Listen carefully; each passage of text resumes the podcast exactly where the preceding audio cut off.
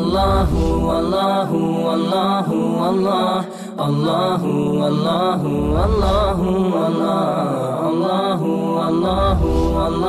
والله الله والله والله الحمد لله رب العالمين والصلاة والسلام على أشرف الأنبياء والمرسلين نبينا محمد وعلى آله وصحبه ومن تبعهم بإحسان إلى يوم الدين ثم أما بعد Doista svaka zahvala pripada našem gospodaru Allahu subhanahu wa ta'ala. Salavat mir i selam na Allahu poslanika, Allahu miljenika Muhammeda, alihi salatu wa salam, njegovu častnu porodcu, njegovu uzvrtu ashabe i sve ljude koji slijedi put, e, pude, e, slijedi put istinu sudnjega dana. E, mi smo prošle sedmice oživjeli i vratili se našem terminu, naše čitavonici četvrtkom. Prošle četvrtka smo bili poslije jaci, pošto se vrijeme pomakilo, sad smo od akšama do jaci. Nastavljamo mišala da se družimo i čitamo knjigu Namaz radu stoka moga. Počeli smo čitati konkretno greške koje se vezuju konkretno za namaz. Prije toga smo govorili o mnogim greškama koji se vezuju za uvjete namaza, pa čak i za gusul i za abdesti, e, odlazak u džamiju, a sada konkretno govorimo o greškama koje su baš konkretno u namazu. Prošli put smo govorili o početku namaza, o fatihi i nekim znači greškama koje su u tom dijelu namaza. Danas počinjemo na 228. stranici greške prilikom odlaska na ruku. Prva stvar, 12. greška, brzo vraćanje sa rukua prije potpunog smirivanja. Či znači, velik broj ljudi, ako uzmijete pratiti ljude kada klanjaju u našim čamijama, opet se moramo vratiti da mi ne želimo da ispadne mi sjediš u džami i samo si ti došao provociraš, gledaš kako ko klanja. Ali to moraš vidjet. Ti kad sjediš u džami vidiš kako čovjek pored tebe klanja. Znači to je nešto što ne trebaš se mnogo truda to, pri, da to shvatiš. Pa je znači jedna od grešaka kada ljudi odu na ruku, brzo se vraćaju. I mi smo možda, da ne slažem i deset, deset puta, možda citirali hadis onaj gdje je Boži poslanik Ali Selsa vidio čovjeka koji brzo klanjao pa je njegov namaz proglasio nevažićim. Glavni razlog i jedini razlog zašto je proglasio, proglasio njegov namaz nevažićim, brzo klanjanje. Kada je čovjeka vratio tri puta i rekao mu irđa fe salli fe inne kelem tu salli, vrati se i klanju, nisi klanju. Znači, ne broji se, ne troši se ta valuta. Brzo si klanjao, pa mu je pojasnio. Kada, kaže, staniš u namaz, donesi početni tekbir, kreni se prema kibli, donesi početni tekbir, prouči fatihu, otiđi na ruku i potpuno se smiri. Znači kad čovjek odi i zače se vrati, u pitanju je njegov namaz. Mi nećemo reći svaki čovjek koji tako klanja namaz mu je neispravan, jer su to nijanse. Mi ne želimo proglašavati tuđi namaz ispravnim neispravnim. Ali imamo toliko jasan hadis Božijeg poslanika gdje kaže čovjeku vrace, nisi klanju, to se ne broji, ne smatra se u, u islamu to namazom. Pa čovjek e, treba da se pazi kada klanja, kada ode sa kijama, kada ode na ruku, da ostani nekoliko sekundi da se njegovo tijelo potpuno smiri, nakon toga ako žuri da se vrati ponovo na kijam. Pa znači pogotovo kada znamo e, da se e, dijela u namazu dijeli na tri kategorije, imamo ruknove, imamo vađibe, imamo sunnete, povalne postupke – odlazak na ruku i smirivanje na ruku je rukn, koji ako se izostavi, namaz je neispravan. Pa znači čovjek treba da bude pametan, da nauči šta je rukno namaza, koji žurim s namazom, moram ruknove ispuniti. To vam je ko na ispitu kada imate šestica. 60%, ja moram dobiti 60% pojena da bi prošao. Ok, daj da u namazu imam 60% da prođem. E sad, sve ono što ostalo je, znači, hajde da kažemo, sunneti, može povećati stepen insana u namazu. Pa treba insan da pazi kada je u pitanju ruku, kada ode na ruku da se potpuno smiri. 13. greška nepoznavanje sunneta rukua. To što se puta dešava da čovjek on i uradi taj ruku koji, ajde da kažemo, eto, to je ta neka šestica. Ali on daleko od onih neke desetke koji bi čovjek trebao da joj stremi i da žudi da dobije desetku za svoj namaz. namaz. Pa bi čovjek trebao da pazi da upotpuni svoj namaz sa svim nekim mogućim sunnetima. E, na, na, na ruku se mogu raditi sljedeće stvar. Prva stvar, pod A, ispraviti leđa. Tako da leđa naspram nogu buda, budu pod uglom 90 stepeni. Znači čovjek se treba maksimalno potruditi. Imate ljudi koji zaista e, takva mu je fizionomija tijela da je teško da ispravi leđa, ali čovjek se treba potruditi da mu znači leđa i noge budu po 90 stepeni, da leđa budu pravo, čak je spomenuto u nekim adisma, da je Boži poslanik toliko pravo držao leđa da kada bi se voda prosula njegova leđa, ona bi ostala na leđima što ukazuje koliko Allah poslanika ali se letu se nam pazio na taj sunet. S druge strane, da glava bude u istoj ravni s leđima, Ja sam imao priliku gledat puno puta. Imate ljudi, hoće da istegne leđa i onda samim tim iste i glavu podigne, što je neispravno. Imate ljudi koji obore glavu, što je neispravno. Znači, leđa i glava trebaju da budu u istoj ravni, to je sunnet. Isto tako, raširiti prste, znači i njima obuhvatiti koljena. Da čovjek rašireni prstiju obuhvati koljena. Udaljiti podlaktice i nadlaktice od tijela. Znači, kada je čovjek na ruku, ne treba da mu ruke bude o, znači, uz njegovo tijelo, već da ih koliko može odalji. Svakako, pogotovo kada je čovjek u džematu, imate ljudi, e, nekada izgubi malo osjeć, pogotovo ova naša braća bilderi, oni onaj zaista, e, malo se nekad njih inače ponese, ponese i taj njihov život i oni u namazu i ona kode prije tebe na seždu i brate kad se on vaku raširi, ti e, ovako staneš, znači pored njega i se ovako i nahiriš. Znači on, ali on ne, ne osjeća, on, on ovako stani i ovako se raširi i trojicu ljudi tam stisne i trojicu vam. Pa čovjek, znači ovo su sunneti, e, sunnet se uvijek treba, znači u datom momentu e, prilagođavati potrebama džemata. Čovjek kad klanja sam, ok, da raširi ruke i sve, ali ako je u pitanju namazu džematu, onda e, čovjek treba da pazi generalno da ne uznemirava druge ljude svojim postupcima. E, od sunneta jeste proučiti obavezni zikr Subhana Rabbijal Azim tri puta ili više puta, znači obaveza je vađi jednom, a tri puta ili do deset puta, e, to je pohvalno i proučiti neku od dova. Znači, vidite, mi ćemo noćas više puta to spomenuti. Na svakom tom nekom dijelu namazu, na ruku, povratak sa rukua, na seždi, između dvije sežde, imate, e, da reknemo, desetine dova koji poslanik učio. I vi imate čovjeka koji toliko brzo klanja da nije ni vađib izgovorio. A gdje je onda taj sunnet na kojeg se toliko pozivamo? Klanjaj sunnete, klanjaj sunnete, klanjaj sunnete i možda i te sunnete i farze klanjaš neispravno. Hajmo naučiti svoj namaz na ruku da izgovorimo deset puta Suhana Rabijel Avim. Pa da proučimo jednu, dvije, tri, četiri, pet dola koje je poslanik učio. Pa ćeš vidjeti onda hoćeš se smirti na ruku. Čovjek nema vremena jednom da rekne Subhana Rabi Al-Azim. Toliko se brzo vrati. I onda mi sunnet, sunnet. Sunnet je mnogo širi od onoga kako ga mi doživljavamo. E, greška broj 14 za postavljanje potpunog ispravljanja sa rukua. Znači imali smo grešku da se čovjek ode na ruku, i brzo se vrati. Imamo drugu, to možete sad ja volio ovdje da vam to onaj vidite kako to čovjek sam krene se ispravljati i dođe on u neku fazu koje koje to sa stepenje, koje ovo 90 na neki na neku fazu 100 stepeni i on sam malo krene čv, i odma dole ide nazad. Čovjek se mora potpuno ispraviti. Potpuno se ispraviti da mu se kičma ispravi, tako je čak došlo nekim hadisima da mu se pršljeno i vrati. Dobro, ima, imamo 1% ljudi, on je prirodno pogete, ti ćeš se vratiti dotli, brate, ali 99% nas smo ravni. E, treba da se vratiš, da ti se svaki pršljen vrati na svoje mjesto. Pa dolaze zikrovi, pa dolaze dove, nema u nas to. Znači, čovjek sam, semi Allahu limen ha, i on je već hamide na glavu. I onda kad ti vidiš to i ukažeš, o vehabije, o vama ne velja ništa, ima li, kaže, po vama išta kod nas da je ispravno? Ništa, brate.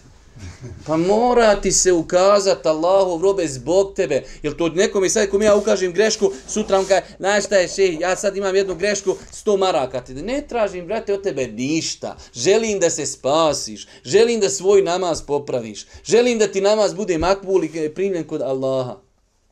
Ne se se, ima li išta kod nas da valja? Kod nas se sve kaže haram. Ja neki dan pisao, ne znam da li je bilo za, za strave, oni ima li, kaže, kodovi liko išta halal. Ima, brate, možete nabrojim hiljedu stvari koji su halal. Ne, ne smiješ, znači, ukazat ni na što da je haram. Kod da mi živimo u vremenu Ebu Bekra. Poslanik je tek umro, sunet je rasprostranjen, nema novotarija, nema harama, šuti, čosaj, uživaj, to je to. Brate, živimo 1600 godina nakon smrti Božeg poslanika. Živiš u dalekoj Bosni, čoveče koja ne priča arapski jezik. Živiš u zemlji gdje je 50 godina bio komunizam.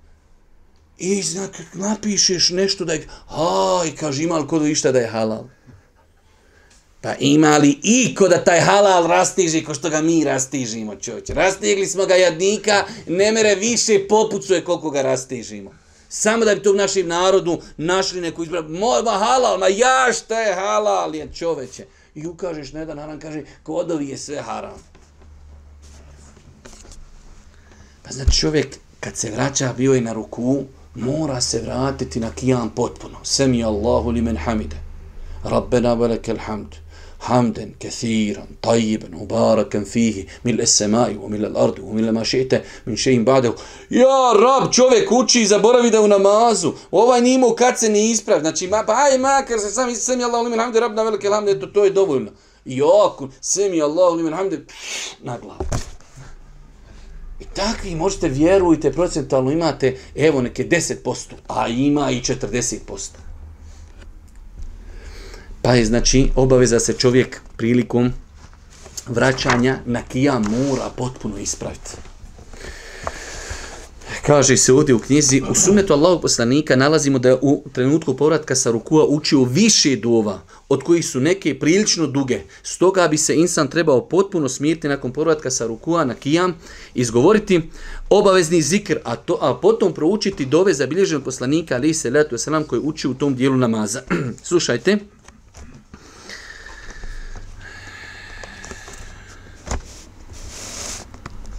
imam ovdje jednu predaju, tražim je, ali u svakom slučaju, e, u sunetu Allahu poslanika nalazimo zabilježene i druge vjerodostojne dove koje je učio nakon povratka sa rukua na kijam, što jasno pokazuje da se zaustavljaju na tom mjestu u namazu i da je daleko od sunneta postupak onih koji ne imaju vremena da se potpuno ispravi nakon rukua, a da ne govorimo o tome da ne imaju vremena da lagano i na razuman način uči spomenute dove.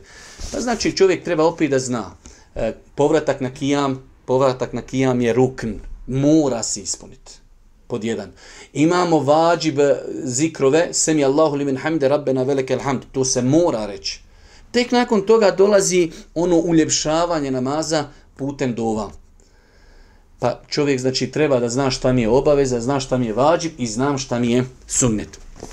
Nakon toga, znači, kada gledamo hronološki, čovjek je bio na, na, ruku, na ruku, vratio se na kijam, odlazi čovjek na seždu.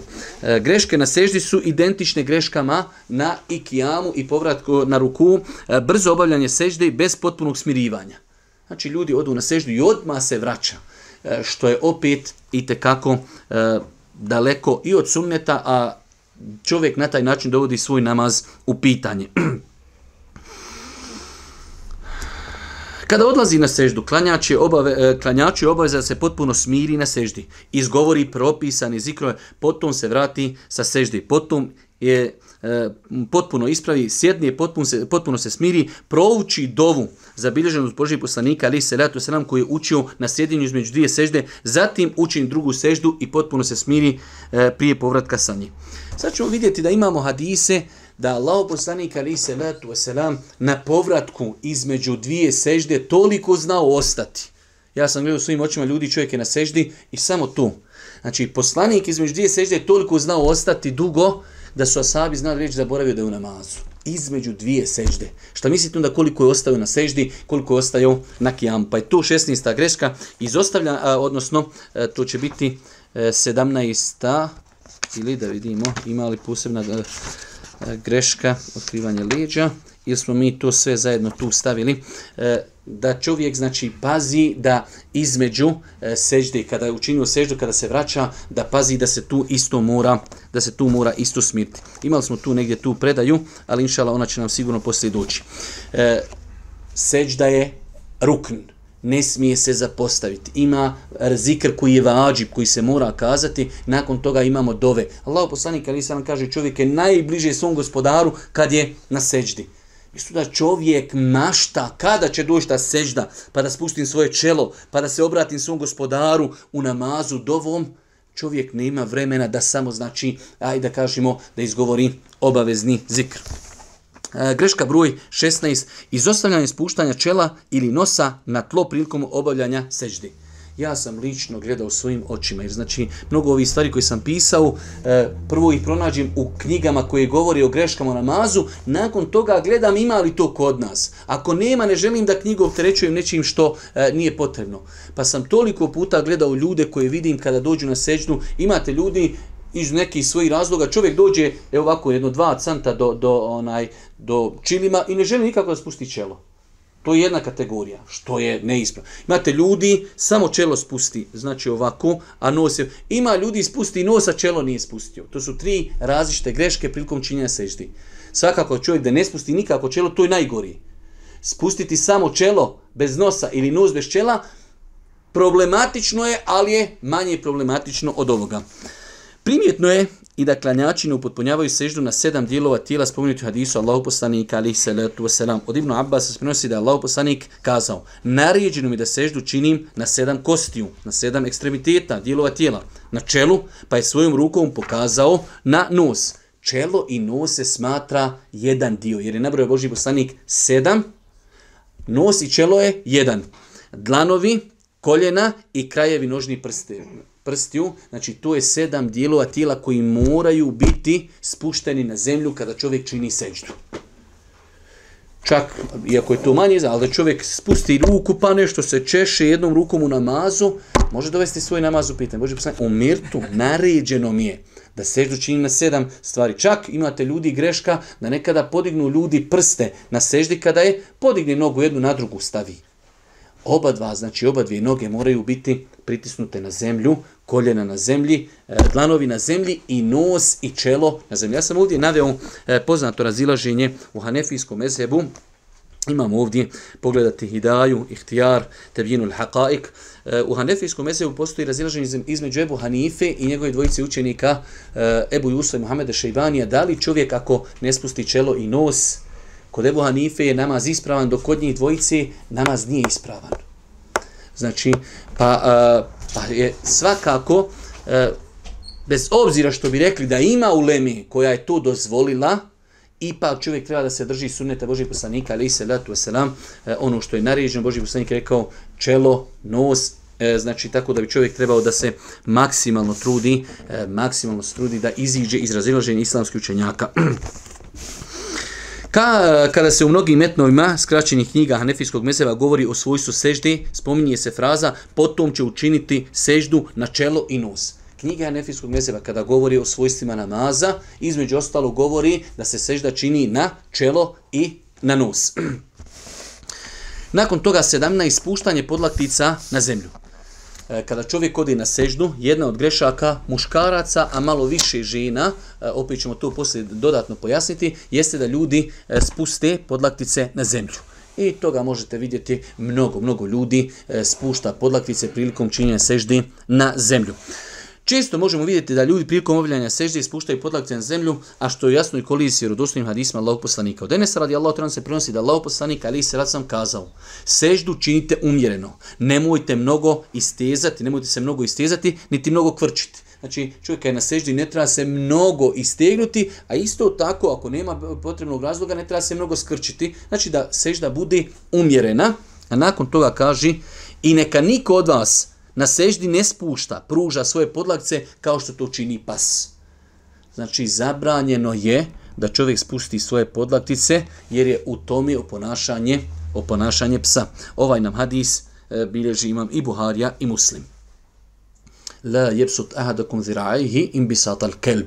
Neka insan ne pruža i ne spušta svoje podlaktice onako kao što ispušta, e, kao što ispušta pas.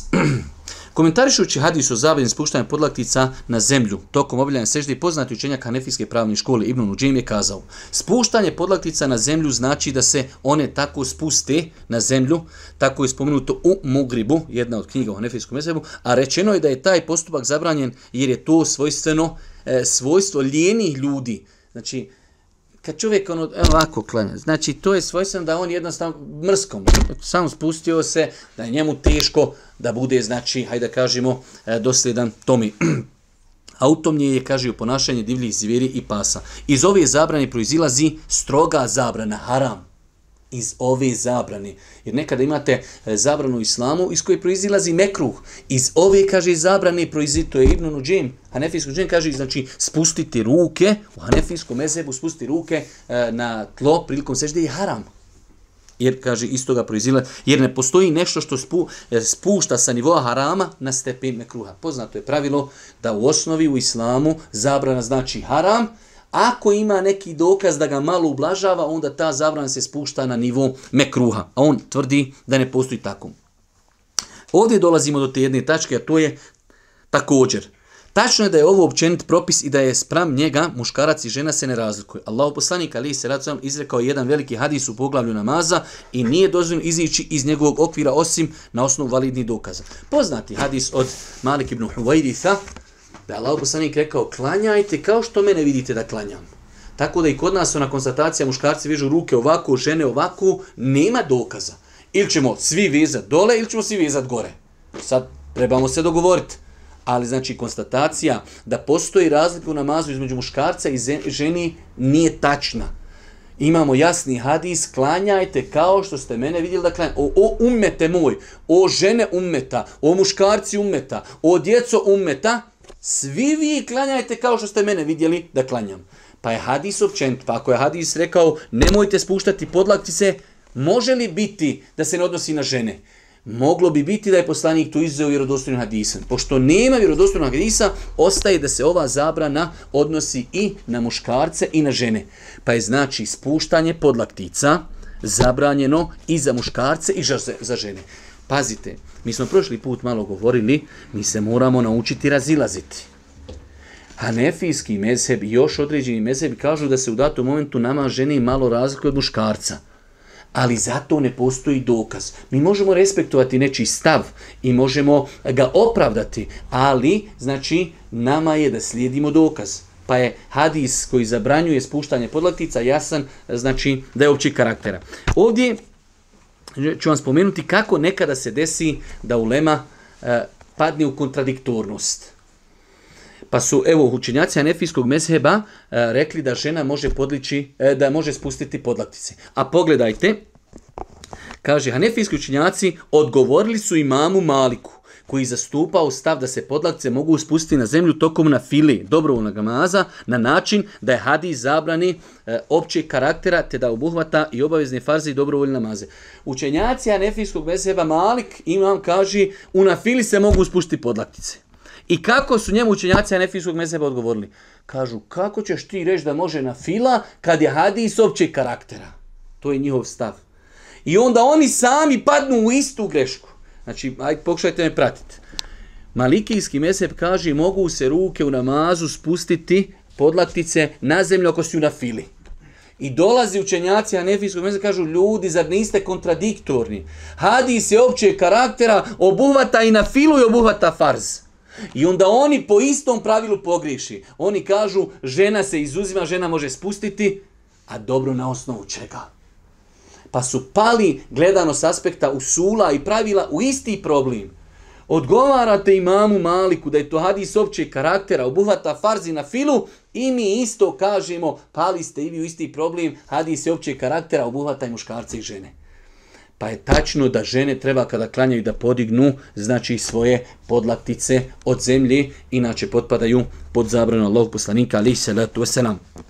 Svakako, ja sam uvijek uh, E, pokušavajući ljude odgajati u tom nekom e, smjeru tolerancije, čovjek u datom momentu će vidjeti nekoga, može sa njim lagano porazgovarati, čovjek kaže, slušaj, jesi ti pametni od Ebu Hanife, nisam pametni, ja ću raditi po Ebu, okej. Okay moje je da ti na lijep način pokušam e, dostaviti, što bi rekao, svoj, svoj pogled.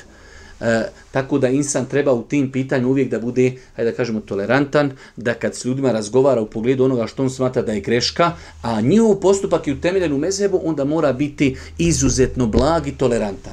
Jer to su ljudi, takozvana kategorija ljudi, mukallidi, ljudi koji oponašaju svoj mezheb i inšala biznila, oni neće biti griješti. Već je ovaj govor kojeg mi govorimo ljudima koji to mogu razumjeti dok ljudi, znači, kaže, ja tako naučio, naučio moj dedo, naučio me tako, Efendijes, ti sad pametniji od mog dede i od mog, meni neki dan jedna teta isto tako, ja bi kaj, tvoj možda der si poslušala, ali da nimaš bradi. Kaže, ja imala i babu i dedu i oni bili efendije i svaki sad dan, kaže, bri, ali ti sad nešto došao, tu si runđav, došao s bradom, tamo kaj, neću da slušam uopšte šta pričaš. Ja onda kažem, gospođo, vi imate dva problema, mene ne interesuješ me slušat, niješ me slušat, ko sam ja da me slušaš, ali e, moraš samo uključiti malo mozak i nemoj dozvolit da, da e, nešto govoriš o čemu ne razmišljaš. Vi ste dali prednost svome dedi nad praksi Božih poslanika. Boži poslanik je nosio brak i zabranio njeno brijanje i zabranjeno brijanje po konsenzusu islamsku učenjaka. Hoćeš ti to slijediti, to što ti mene slušava, to mene ne interesuje, nijedan posto. Dala si prednost tomi, A s druge strane, vi reko, gospođo, ne čitate, malo se nekad konektujte, neđe ufate malo kolekcije, izište malo na cestu, ako vam neđe u podrumu ne fata, ako ste neđe na nekoj visokoj koti, gdje nema interneta, siđite malo, neđe gdje fata, konektuj se te i ukucate malo da vidite, u primjer, radi reko, ja ću vam poslati, reko, da se vi ne bi puno mučili, evo vam propis bradi u hanefijskom mezebu. Evo, tup, fino, dževat, golo, safet, kuzović, tekstovi, citati, vađib, obaveza, I onda muk, nema više odgovora. Aha, sad ja imam, trebao bi ja priznat da sam pogriješio, trebao bi priznat da ja nisam ni hanefijski mezeg, ne, sve, ne mogu to priznati, tako je to najlakši. Onaj. Tako da insan, e, nama je naređeno da sledimo sunet Božije kostanika, ali se letu selam, Ljude respektujemo, poštujemo zato što je to ta kategorija ljudi u islamu, znači ljudi se dijeli e, tri kategorije. Jedna od ti tri kategorije, to je što je najveći dio umeta, su mu kalidi. Ljudi kako su naučili, tako radi. I čovjek treba da zna da znači oni i kada pogriješi, inšala nisu griješni. Do onog momenta kada mu neko pokuša pojasniti, pa on to odbije. E, broj 18. Otkrivanje lijeđa prilikom činjenja seždi. Mi smo još znači, u namazu na seždi. E, govorili smo o brzom odlasku na seždu, o brzom povratku sa seždi, o, govorili smo znači e, sada o spuštanju podlaktica, govorili smo o spuštanju nosa i čela i sada ostaje e, taj također jedan dio, e, spu, znači da čovjek prilikom odlaska na seždu i na ruku, ali na seždi još više, da se čovjek otkriju leđa, A pogotovo sad imate hlače, one se inače nosi tu negdje ovako, sad ne znam kako da reknem, ali napola stražnje, to sad one neke moderne hlače, one su volko plitke, znači njih kad obučeš, one su ti neđe ovako do pola. I ti, pažaj, kad imaš dobru podkošulju 3XL, ona će opet izići jedna gore. A još ako ne nosiš podkošulju, nosiš neke bretelce ko žensko i još nosiš i ove helanke dole na pol stražnice, paša u tebe u namazu volko je otkriveno. Ajde, Volko, volko. Znam jedne situacije, žene iz gorijeg sprata vidu kaj halo, recite dole tom vašemu namazu, veli, lijeđa su mu previše otkrivena, veli, ubiši nas, što one su toliko skrušene da one ozdoli ih ubi ta bjelina, onaj. Ali eto, pojenta je da znaju neka to i žene ozgor biti, eto. Pa čovjek treba da pazi, pokrivanje avreta u namazu je stroga obaveza. E, čak imate ljudi koji u datom momentu griješe pa povezivanje, e, pokrivanje avrita mimo namaza i u namazu. E, što, što šehr Lislav im temi odbija, namaz ima svoju svetost dodatnu. Naprimjer, imate vjerodostojne hadise da Boži poslanik kada su Buhari, vjerodostojan da je Boži poslanik znao pred Asadma sjedit otkrivenog stegna, otkrivenog stegna, pa kada je ušao Osman, radi Allah, on je povukao odjeću i kaže da se ne stidim čovjeka kojih se stide meleci. Tako da, To je izvan namaza, kaže Ševul Islam Temije, ne treba da bude razilaženje kod ulemi da koljena u namazu potpadaju pod avret. Znači, namaz ima dodatnu, dodatni moment kad je u pitanju pokrivanja. Čak e, e, islamski učenjaci, e, Ševul Semin o tome govori, čak kaže, e, termin sam pokrivanja avrijeta u namazu je poprilično malo i diskutabilan. Treba reći uljepšavanje za namaz. Namazu je treba sam pokrit avrete. Za nama se treba uljepšat. Što znači obuce na najljepši mogući način. Ne samo, evo ja, evo po nekom, kad bi rekli, može se klanjati od koljena do pupka. I čovjek obuče takav šorc i u džami, Allahu ekber. Bil takav ošao na posao, bil takav otišao kod direktora, ne bi. Bil takav ošao u džamiju. Pa namaz, hudu zinetekom, uzmite ukrase, u, lijepo se obuste prilikom svakog odlaska u džamiju. Pa je sam, znači čak, znači bilo je u Lemije koja je smatrala termin pokrivanja avrijeta, da ga ne treba uše koristiti. Namaz je uljepšavanje, da se čovjek lijepo obuče kad krini na namaz. Kakav je, kako je lijepo obučen čovjek koji je pao na sežnu i pola mu repnjače gore viri i po kičme mu viri. Pa čovjek treba da e, s dva aspekta pazi, na taj način dovodi svoj namaz u pitanje. S druge strane, to je nešto što ne doliči. Ne možemo sve stvari uvijek gledati mak na konac. Je halal haram? Ako je halal, može sve. Evo, rekli smo. Šta mislite? Da li doliči čovjeku muslimanu? Evo, avret muslimana je od pupka do koljena. Ne mislite da neko sad obuče takav šorc od pupka i ode kroz baš čaršiju hoda ne možeš reći čovjeku da je haram. Ali ima nešto što se zove havarim ul murue. Ne doliči, ne može. Isto u namazu. Ne može čovjek, znači, za svaku stvar. Ima, alhamdulillah, imaju propisi. Da sutra čovjek desi e, negdje, ne daj Bože, e, ili u zatvor, negdje na planini, ili smaklila mu se odjeća, ispiljala mu se. Pa ne može drugačiji. Ima samo odjeće da pokrije od pupka do koljena. Klanja ili je namaz ispravan. Pa nekad propise treba poznavati ako zapadneš u vanrednu situaciju da znaš šta je minimum onoga što moraš pokriti. Ali to ne znači da sad u nekim normalnim uvjetima čovjek se treba tako ponašati. Pa znači čovjek musliman treba da pazi, da pazi e, na pokrivanje e, tijela prilikom činjenja sežde, sežde pogotovo leđa i dio znači e, dio, e, gornji dio stražnici. E, broj 19, nepoznavanje sunnjeta prilikom e, činjenja seždi. Znači imamo, kao što smo imali za ruku, jedna od grešaka da ljudi ne znaju kako i na koji način upotpuniti svoju seždu. Pa evo samo nekoliko stvari, e, da čovjek više puta izgovara Subhana Rabijel Avim, isto tako, odnosno Subhana Rabijel Eala, nakon toga proučiti nekoliko neku od dova koji je Boži poslanik učio. Znači mi, imate ljudi koji brzo klanjaju, ne samo da nije rekao obavezni zikr više, vego, znači daleko je on od toga da je dovio neku dovu koju je Boži poslanik ali se letu se nam preporučio.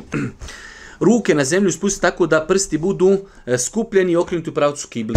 Znači, od sunneta je i najbolje da čovjek na seždi skupi prste i da ih okrene u pravcu kibli učiniti da dlanovi ruke budu u razmaku širini ramena i da čelo bude spušteno između ruku. Znači, otprilike imate nekad ljudi ovako se rašire, e, nekad ljudi opet ovako stave i onda čini seždu. Otprilike ruke bi trebale da budu na sličan način onako kako smo i dizali kod početnog tekbira ili da ih dižemo, znači da ih stavimo na zemlju u širini ramena ili ovako, znači u visini ušiju. Tako bi bukvalno čovjek trebao da to preslika na seđdu ili da ispusti znači u visini ramena ili znači otprilike u visini ušiju. Lato je podići od zemlje i odvojiti ih od bokova tijela. Naravno ako čovjek klanja sam, znači podići i odvojiti od tijela. Kada je čovjek u džematu, definitivno onda u datom momentu mora ruke malo povući sebi. učiniti da tijelo tokom sežde ne bude prekomirno ispruženo. Imate ljudi, vjerujte, ja sam znao gledat skoro što čovjek, samo što nije lego. Toliko se čovjek pruši. A imate opet ljudi, on se skvrči odmah kod koljena, ovako seždu čini. Pa su to sve, pa su to sve, onaj, ja sećam, znam dosta ljudi, kao da imam osjećaj, kao da on, daleko od toga sumnjam u njegovu namin, ne interesuje me, ali eto, kao on bi da pokaže svoju pobožnost na neki način, imate ljudi na seždi, on je, znači, na, na, na 45 stepeni. On je se toliko sageo i on tako seždu čini. Ali eto, on, imam osjećaj da je možda u svom nekom neznanju, on konta što bolje dole, more li kako da, da ono, ovako da se ufatim za noge. Što je neispravno, sunne Božije poslanika na, kija, na, na, na ruku jeste da čovjek bude ravan e, nožni prste staviti, e, saviti i okrenuti u pravcu kibli. Znači, e, od sunneta je čovjek kada čini seždu, da nožni prsti da budu podavijeni i da su okrenuti u pravcu kibli spojiti stopala jedno uz drugo, postoji razilaženje kod učenjaka kada je čovjek na seti, da li noge treba da budu raširene u širini njegovih ramena ili spojene, Allah najbolje zna, inšala bliže je sunetu da noge treba da budu spojene stopalo u stopalo, ali ima velik broj učenjaka i savremeni učenjaka od kojih je Bekre Buzid, koji je preferirao mišljenje da, da čovjek u namazu, e, da se stop, e, stopala kako tako stane u namazu, tako će činiti seždu, neće ih na seždi spajati. Onaj, tako da inšal, to je jedno pitanje gdje ima prostora za razilaženje. Broj 20 greška, samo da vidimo koliko imamo još noćas, ćemo sve stići, inšala. Za postavljanje potpunog smirivanja na sjedinju između dvije sežde.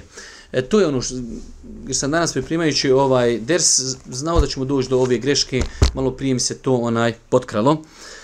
Jedna od grešaka jeste, znači čovjek kad uradio seždu, vraća se i ne, ne, ne, ne smiri se dovoljno dugo na tom sjedinju. Kaže Imam Buhari u svom svojoj čuvenoj hadijskoj zbirci Sahihul Buhari, naveo je poglavlje koje je naslovio. I znate da velik broj ljudi ne zna da ključ Buharinog znanja je u njegovim naslovima. Ako hoćeš da skontaš koliko je Buharija bio učen, onda pazi na njegove naslove. Imate zasebna dijela napisana gdje ljudi ne komentarišu Buharin Sahih, komentarišu samo njegove naslove. Dijelo imate, znači napisao čovjek, ide komentarisati samo njegove naslove u sahihu. Fik imama Buhari, njegovo znanje se ogleda koliko je jake davao naslove u svome sahihu. Pa on kaže, jedan od naslova, trajanje sjedinja između dvije seđde. Sada ću ti ovo čitaocu spomenuti argumente koji ukazuju koliko je trajalo sjedinje Božijeg poslanika između dvije seđde.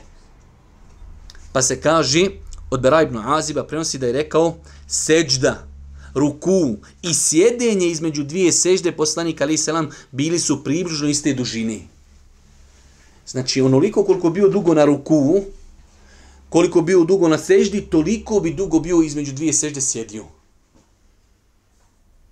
Znači, pazite da čovjek kaže tri puta Subhana Rabijel Eala i Subhana Rabijel Alvim da prouči neku dovu, znači treba mu, evo da kažemo 10-15 sekundi, toliko ubistvo poslanik sjedio između dvije sežde. Što je kod nas i tekako jedan od e, čak kod ljudi koji prakticiraju dobro sunnet, jedan od sunneta koji su potpuno, potpuno zaboravljeni, da čovjek oduži ovo sjedenje između dvije sežde. Da oduži čovjek sjedenje između dvije sežde. Kaži, od Enesa radijallahu ta'ala, ovaj hadis bilježi, e, ima muslim, kaži, Enes radijallahu anhu opisuje namaz Božijeg poslanika i kaže kada bi Allahu poslanik kazao semi Allahu limen hamide ustao bi pa bi toliko dugo stajao da bismo pomislili da je zaboravio. Znači budu i Božiji poslanik na, kija, na ruku.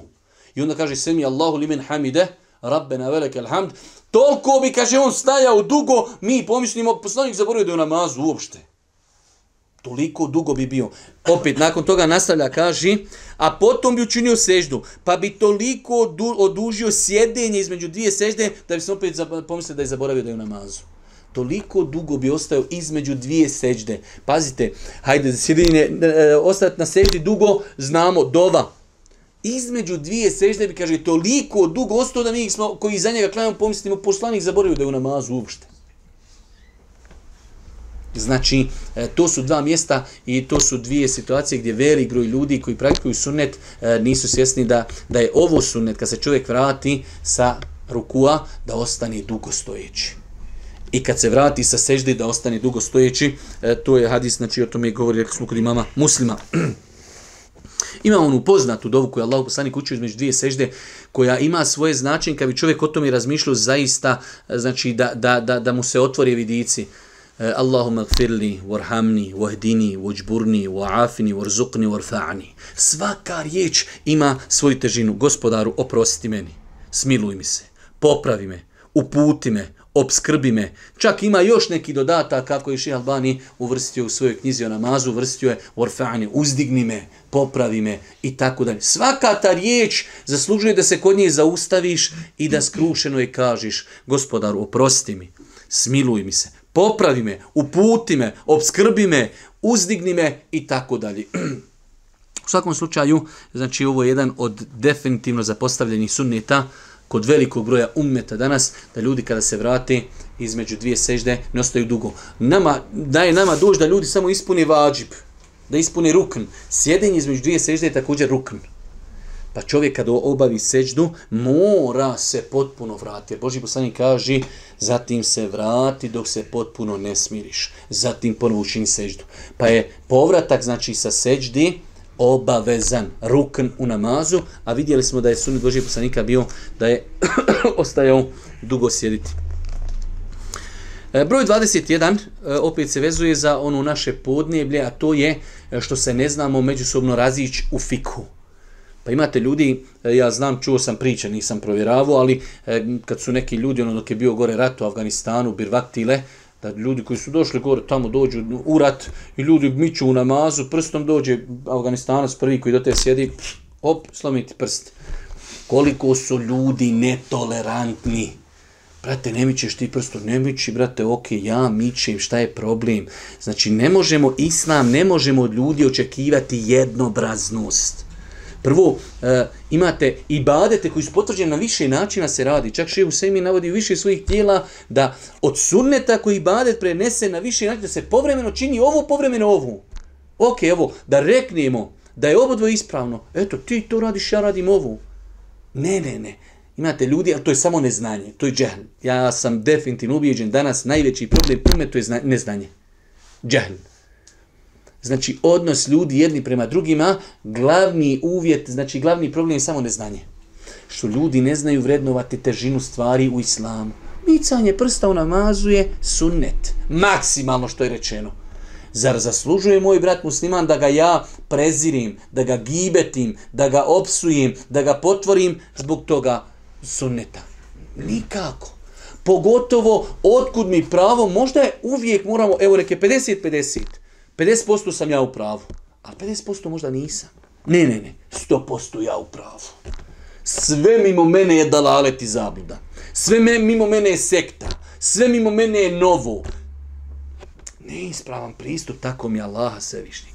Ljude treba podučavati da je fik mjesto gdje se smijemo razići. A sabi, pazite, hajde Allah da vam, da vam postoji jedno pitanje. Šta mislite? Šta mislite? da dođe danas neko, nećemo i govoriti o pitanjima, o pitanjima može se uzeti kamatni kredit u Evropi, to je nešto drugo, skroz. Generalno čovjek dođe kamata halal. Šta bi mi sa njim uradili? Fino bi uzeli, stavili pod njega eksploziju i spalili ga na Mars. Ibnu Abbas, po nekim predanjima, do, do kraja života govorio da je, da je kamata halal. Jedna vrsta kamati.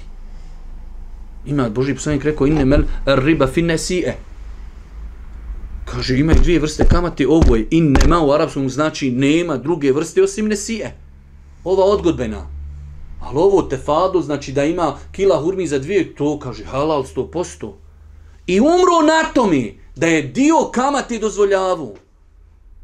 Imate ljudi koji e, nije do njih došao hadis da je Boži poslanik, da je Boži poslanik zabranio brak privremeni motu. I umrli na tome. Viš danas dođe kod nas i kaže, slušaj, ja sam iščitavo, ja smatram da primjenim brak halal. Od van ti ja pokažem što je halal. Što ja dat halal tvoj. Krupne stvari su ljudi i živjeli ljudi jedni s drugima. Pa se moramo naučiti e, zauzimati rašte stavove. Naučiti se da ne tražimo od svih ljudi da budemo jednobrazni kovojnici. To je fik. U fiku ima prostora. Boži poslanik tolerisao svojima sahabima razilaženje u fiku. Ja sam neki dan, subhanla, radijeći nešto na Buhariji, pa me toliko fascinirao onaj hadis kad Omer radijallahu ta'anom čuje jednog sahaba uči suru, koliko mislim da je sura Furkan bila u pitanju, ali nije sad pojenta koja sura, koliko je Omer ga čuo kako uči u namazu, kaže jedva sam se skoncentrisuo u namazu, te nisam u namazu lapio. Dok je predo selam, odmah ga lapio za odjeću, hajde vamo, kod poslanika. Kažu, prvo ga pita, šta to ti učiš? Pa veli, učim Kur'an. Gdje si tako naučio? Kad poslanika, lažeš, ja sam njega naučio drugačiji. Ne može da vjeruje. Čovjeka ufatio za, za, za odjeću, hajde vamo da mi vidimo, jesi ti to tako naučio. Došao kod poslanika, kaže, poslanić ovaj uči drugačiji, mene ti nisi tako naučio. Kaže, Boži, bez toga sabu, uči, učio. Kaže, Omere, uči, uči. Uči različno. Kaže, i ovako je objavljen, i ovako je objavljen. Allahu ekber. Vidi tolerancije, Kur'an, objava. Znači, ima prostora u fiku da imamo različite stavove. Meni tako me, Allah uopšte ne smije tako neko viži ruke ispod pupka, neko iznad pupka, neko na prsima. Ma ne interesuje me uopšte. Ne gledam u neko da li neko miće prstom ili ne miće. Ma ne interesuje me uopšte. Zaista me ne interesuje. To su sve validni stavovi mesebski. Pa ne smijemo ljude i direktno ni indirektno odgajati da su netrepeljivi jedni prema drugima zbog različitog ponašanja u namazu. Pa je jedna od grešaka, broj 21, preziranje osobe koja pomira, kaže prst tokom sedenju namazu. Okej. Okay veoma zato kažem, ja lično smatram, ovo je moj ištihad neki, a nijem pravo na ištihad, da je glavna, znači, glavni problem kod ljudi koji te ljude podučavaju. Treba ljude podući da je to pitanje gdje se smijemo razići. Ne treba ljude podučavati, ljudi, ovo je samo naše ispravno i sve mimo toga je da laleti zabluda. Treba ljudima kao ljudi, i ovo je preneseno, i ovo, o, mi ćemo ovako ostati, ovo je naše najbolje, ali i ovo drugo je u redu. Otvori ljudima vrata razilaženja, otvori ljudima vrata tolerancije, otvori ljudima vrata razmišljanja da ne bude samo jedno umlje. Ja sam dosta puta rekao, vi znate da sam ja radio magistarski iz Hanefijskog mezeba, stotinje pitanja, čak ne bi čovjek pretrao koji bi rekao hiljede, ali stotine sigurno.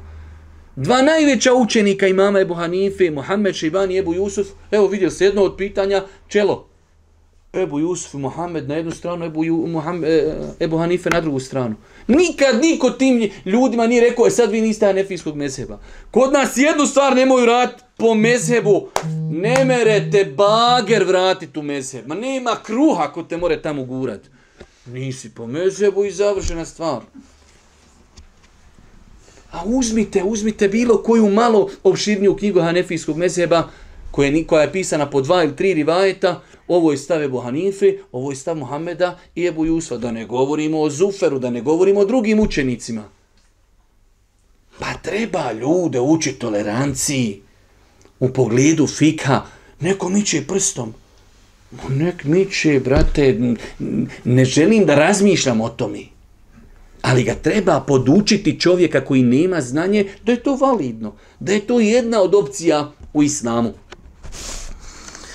Ja sam ovdje naveo da, da hanefijski mezaj smatra da se prst ne miči tokom e, šeha, izgovar, ona, učenja te šehuda, ali sam naveo namjerno, ciljano, da, da neko ko prvi put se susreće sa tim da vidi da ulema koja kaže da se prst miči tokom cijelog namaza ili eventualno da se sa njim sam pokazuju pravcu kibli, da imaju svoje dokaze. Ja ne bi da budem ekstriman, Stav Hanefijskog mezheba da se samo na ešhedu la ilaha illa to jedini dokaz, to jedini stav koji nema dokaza. Ali evo nema vezi, tolera, tolerišemo, nek bude da je tako.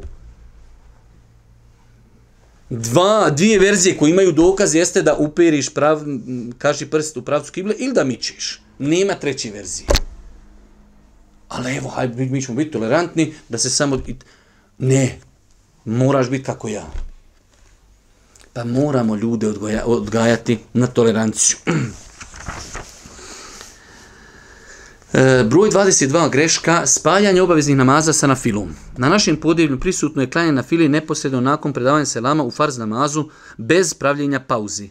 To je ono poznato. Vi kad odete u Mekiju, Medini, e, znači klanjate posle, ovo se misli konkretno na filu, poslije namaza. Prije namaza vi kad klanjate sunnete, na fila se razmaja od farza čime i kametom. Tako da niko ne spaja na filu e, sa farzima ispred. Već na fila koja dolazi posli. I u Medini vam je, znači kad odete na umru, inšal, ako ne upalite satelitsku antenu i pogledajte. Znači samo što hođa kaže, eselamu alikum, eselamu alikum. Mi dol koji smo živjeli, mi u 90% znamo ljude dok čovjeka vidiš, znaš po nošnji, otklije je. Pakistanci i Turci i Bosanci odmah svi skoči i odmah klanje farze. I onda ovi klanjaju dženazu. Što misliš, u Meki jedna dženaza, sto hiljada dženaza. Hem što si napravio, prekršaj, poslanik je rekao da se sunneti odvoji od farza. Hem mašila te dženaza, čoveče. Ali, znači, Pakistan, Bosna i Turska, oni odmah svi skoči i klanjaju sunnete ja zaista ne želim da, da to govori u nekom negativnom kontekstu, ali e, ž, hoću da, da, da, ljudima, da ljudima prenesem šta je inšalo svemu tome ispravno. Prenosi se od Moavije radi Allaho da je kazao Allaho poslanik ali se letu sram, naredio nam je da ne spajamo namaz s namazom sve dok ne progovorimo ili ne iziđemo. Ovaj hadis ima svoj povod koji je zabilježen kod imama muslima da je e, Moavija vidio čovjeka posle džume da je usto odmah klanjati na filu. Pazi, čovjek halifa, on ima vremena tog čovjeka pozvao na razgovor, kaže, zovite mi tog čovjeka i to je zabilježeno kod imama muslima, kompletna verzija, ja nisam htio da ti ima utrećujem knjigu. Kaže, vidio sam te da klanjaš, kaže, na filu odmah posle džume, na, e, nemoj to više, kaže, činit. Ja sam čuo poslanika da je to zabranio. I to, to je, pogledajte kako su ashabi pod navodnim znacima i sitnicama pridavali pažnju kod vas je, kaže, najbitnija ta forma, te sitnice. Omer radi Allahu ta'ala, čovjek došao, Omer zboden, ubijen. Ubijen. Čekaju minut kad će mu duša izići. Došao jedan omladinac i došao, ljudi su ulazili kod Omera, u jednu ruku ono, ajde da ga obiđu kao bolesnika, pa došao jedan momak, bio je kad je krenuo, Omer takav, uboden, ugleda čovjeka, vozi mu se odjeća pod zemke, vrate ga mladiću, kaže, podigni svoju odjeću, to je, kaže, i bogobojaznije i čišće za tvoju odjeću. Danas kaže, u vas je sav islam u bradi nogavicama. Nije sav islam, ali je to dio islama. Bio je i Omeru na umi kad je to u smrtnim mukama primijetio. Šta je problem ako pazimo i nesetnica u islamu? Šta je problem? Asab dolazi drugom ashabu, Znate da ima vjerodostojan hadis za Boži poslanik zabranio da ljudi stave, uzmiš ovdje kamenčić i ljude gađaš na sjelu. Dosadno ti, tu, tu. I poslanik je za, čak imate hadisa koji su to ljudi nažalost neispravno preveli. Imate hadisa, imate dosta puta ljudi prevode hadise, ne znaju šta je komentar i onda prevedu svašta nešto, ali helem ne se. Ispravan prevod je hadf, to je zabranjeno gađati ljude s kamenčićima poslanik ali se nam kaže time ne možeš lov ubiti, lovinu, ne možeš time nikakvog ni zeca ubiti, a kaže niti neprijete ne možeš tim poraz, ali možeš čovjeku izbiti oko i možeš mu slomiti zub. Pa jedan asa vidio čovjeka koji sjedi u društvu i gađa ljudi, kaže, prate, poslanik je to zabranio, ovaj ništa opet kamenčići ga, ja ti kažem, poslanik to zabranio, ti opet rađi, ja kaj s tom nikad neću progovoriti. U njih nije bila zezanja. U njih je vjera. Nije sad ovaj došao, a znaš treba, to je mal forma, nije to krupna stvar, vako na... Brate, više nikad s tobom ne pričam. Završeno. U njih su takvi parametri bili. Sviđa se, ne sviđa se, ma pr forma. Brate, više ne pričamo. Ja ti kaži, kaži, poslanik to rekao, ti se ne pokoravaš. Nema ja ti šta više pričat. Jedan unuk od Omera radijallahu ta'anhu, neko mu je rekao, hadisu Buhari i muslima od Ibnu Omera kaže, poslanik je zabranio da vi muškarci zabranjujete ženama kad traži dozvol da idu u džamiju, da im to zabranite. Znači, kad žena traži od muškarca da ide u džamiju, ako nema validan razlog, čovjek ne smije ženi da to zabrani. I jedan ovaj unuk od Omera radi Allahu anhu, bio je ljubav, kaže, Wallahi le nemne'uhunne. Tako mi Allah, mi ćemo njima ipak zabraniti ka, hadisu Buhari i Muslimu, pa kaže prenosioc hadisa, pa se Ibnu Omer toliko na njega naljutio, ja ti kažem, postanik rekao, nemojte zabranjivati, a ti vidiš da ćeš zabraniti. On je, to ne, nema, nema tu filozofije, ba. oni nisu nikom čuvali hatur. Sin njegov od Ibnu Omera. Ja ti kažem, ne smijete zabraniti, ti ćeš zabraniti. Kaže, fagadibe alehi, pa se kaže, na njega naljutio, toliko ga ukorio, da nismo Ibnu Omera nikad u životu tako vidjeli ljutog. Nema zezanja. Ja ti kažem hadis, pa je li vekru, je li haram, je li forma ili je suština? Sve je suština. Nema filozofije i zezanja. Hoćeš slijed slijedi, nećeš, idi, udaraj glavom odbuke, mene ne interesuje, ali nemoj mene zeza što ja to praktikujem. I to je sad mentalitet ljudi. Meni došli ljuče neki momci, ovi migranti. Čovjek pokušaj, će god vidiš nekog čovjeka ako nešto uh, došli, možeš nam nešto pomoći pred supermarketom. Hajde, rekao, kad iziđem i maksu da Allah, kao nešto im kupim, ja išao iz supermarketa, oni sede, ljudi puše, ja im kupujem krofne. Ja ošao tam i tražim da im dadnem krofnu, ja došao, oni puše. Rekao, ja vas hoću pomagat, vi reko duhanite. I pa sad bolesti. E, nije sav islam u bradi. Halo, ba, ko te pita za bradu? Allah došao mi lik, kaže, duhan je mekru. Evo, jes mekru. Ti imaš para ako migrant za mekruhe i od mene tražiš da ti krofnu kupim. Ali li, kaže, ha, vidi sad on mene s bradom i on sad ne zna, znam ja šta u njega u procesor, to su oni žestoke vehabije, on samo gleda islam kroz bradu i sve. Ja Allah mi još da mu kupim krofne, da mu donesem, on kočiro tamo puši i ja mu još ne smijem ništa reći. Ama ima da ti reknem, brate. Kaže, ne, ne, ne, kaže, nije to, kaže, haram, mekru. Evo mekru, jes, brate, evo, haj, nije to, be, arabi. Ali ti imaš para za mekruhe, a nemaš para za hranu i prosiš tu kaže, nije kaj sav islam u bradi. Ja, ja, Allahu dragi. Allahu dragi. Pa znači, od grešaka jeste da čovjek spaja namaz, spaja namaz sa, uh, farze sa sunnetima, koji dolazi nakon farza. Uh, ja sam ovdje citirao govor imama Nevevija koji je spomenuo da je to po šafijskom mesebu zabrajno. Imamo četiri načina kako se mogu farzi od sunneta rastaviti. Prva stvar zikrom da čovjek sjedne posle farza i sazikri ono što svi mi učimo, ajetul kursi, 33 puta suhanala, ilhamdula, allahu akbar i šta već hoće. Nakon toga klanja sumnete. Ima druga stvar da iziđi iz džamije, pa da klanja na filu ili pred džamijom ili da klanja kod kući, što je bolji. Treća stvar, razgovor izgađu klanjača. Znači čovjek je završio farze, s nekim nešto porazgovara i ustane klanja. I četvrta stvar, pomiranje s mjesta. Da čovjek znači klanjuje u ovom dijelu džamije i prijeđe na drugi dio džamije, jednostavno vidno je napravio znači pauzu između suneta i farza. Pa jedan od četiri ova načina, bilo koja četiri načina čovjek uzme, on je postigo ono što se od njega očekuje. E, nakon toga, pošto evo, ja sam imao sam još neki ansvari, ali samo još ove dvije greške, 23. smatranje da je klanjanje na file dobrovoljna maza u džami općenito bolje nego klanjanje na file u kući, te preziranje onih koji nakon farza izlazi iz džamije. Ovo je, to je standardna naša e, problematika u Bosni, gdje ljudi smatraju da se sunneti trebaju klanjati u džamiji i da oni koji izlaze, to su neki novi mezevi, nove sekte i tako dalje. Pa sam ja ovdje malo detaljnije o tome govorio i po hanefijskom mezebu, i po hanefijskom, to je, pazite, u hanefijskom mezebu imate nekad i djelimično razilaženja, ali e, osnova hanefijskog mezeba, osnova hanefijskog mezeba jeste da se sunneti bolje i klanjati kod kući. Imate ovdje primjer radi, E, u poznatom dijelu Hanefiškog mezeba El Ihtijar stoji. Sunnete, dobrovoljne namaze, vrijednije je klanjati kod kući. Zbog riječi Allahog poslanika, čovjekov najbolji namaz je onaj koji klanja u kući osim farza, znači koji se klanjaju u džami.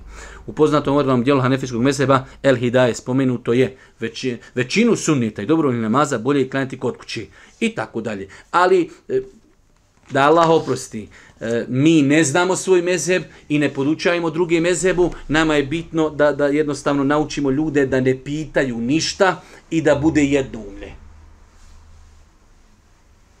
E, čak sam nakon toga naveo ovdje jedan veliki citat iz Haši ibn Abidina, opet iz Hanefijskog mezheba, gdje on spominje, i to sta neka detaljsan, on kaže na kraju, bolje je klanjati kod kući sunnete, Ali ako kaže u džami, ako bi znao kod kuće da nećeš klanjat, ili će te nešto ometat kod kuće, jer zaista u džami je najljepši klanjat, znači u kod kuće doješ da li žena, da li djeca, da li televizija ili nešto, kaže tada je bolje klanjati u džami. Ali veliko pravilo u hanefijskom esebu da se suneti klanjaju kod kuće, ali u datom momentu mogu klanjati u džami.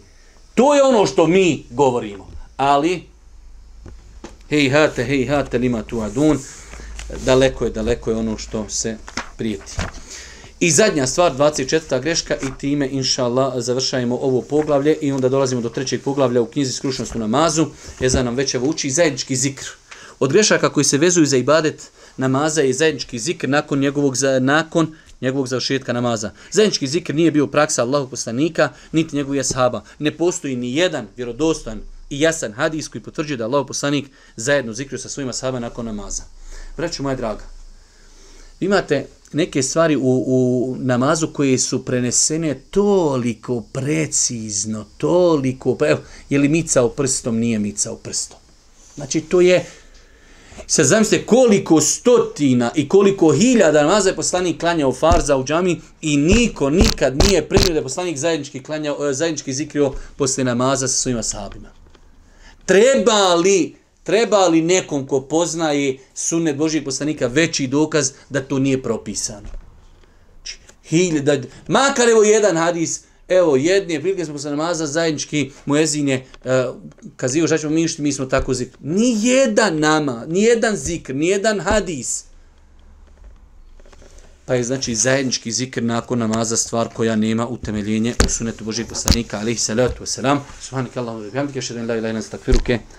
ve etubu ilejk.